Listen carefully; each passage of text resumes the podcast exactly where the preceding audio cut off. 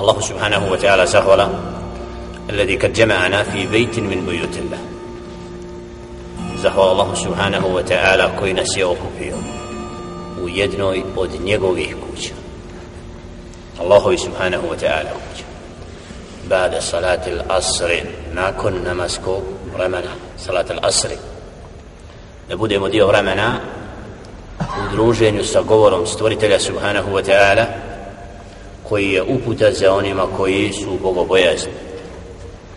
Onima koji se spremaju da se vrate stvoritelju subhanahu wa ta'ala čisti duša inša Allahu ta'ala.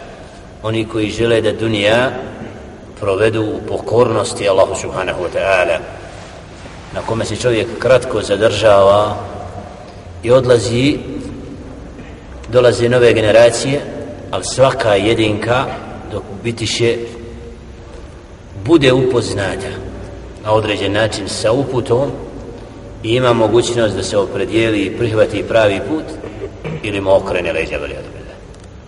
Teško onome kome opomenjavaš, opomena, dođe, pa njegovo srce osjeti i vidi da je to istina, a onda se ogluši. To je husran, kada hasire dunja od ahira. Taj sebe kaznio, propadnik je ovoga i onoga svijeta Đele žele še'nu otvori nam srce pa osjetimo ljepotu Islama, ljepotu upute, nađemo se u skupinama pokornih stvoritelju subhanahu wa ta'ala. Moramo biti zahvalni Allah subhanahu da ne bi čovjek zbog te ljepote upute bio kažnjen kasnije, pa da bude uskraćen. Znači kad vidimo skupinu pojedince, roba pokorna Allah subhanahu wa ta'ala, ugledajmo se na nje, pa ustrajmo ime u tome budimo od onih koji slave i veličaju Allaha subhanahu wa ta'ala i traže od Allaha subhanahu zaštitu od propali od onih koji nisu na uputi. Od onih koji lutaju a koji su tako reći mnoštvo vojska koja na svakom koraku je prisutna koja uopšte ne razmišlja dovoljno šta je to rekao Allah subhanahu niti šta je to rekao njegov poslanik alaihi sallam kako in Allah dželle šen naziva žive kao hajvani i gore od toga. In hum illa kal an'am bel hum adal jedu, piju.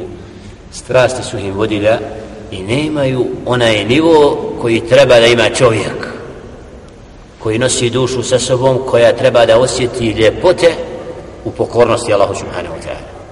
Stvoritelj koji je dao čovjeku tijelo i dušu nije uskratio čovjeku da jede da pije da spava znači da strastima dadne ono što im pripada ali mu je zabranio da dadne težište tome i da dušu zapostavi. Zato žele ženu kad govori o ženama unna libasun lakum wa antum libasun. Lahun nisaukum harsun lakum fa'tu harsakum. Anna ši'tum wa qaddimu li anfusikum. One su vaša odjeća vi njihova. One su vaše njiva prilaze im kako želite ali pripremite za sebe. Vattakullah i bojite se Allaha subhanahu koga ćete sresti.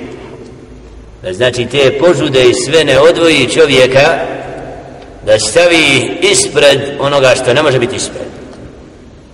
Zato pokornost Allahu subhanahu wa ta'ala i ljepota u predanosti Allahu subhanahu nema riječi i ne može se ni se čim mjeriti.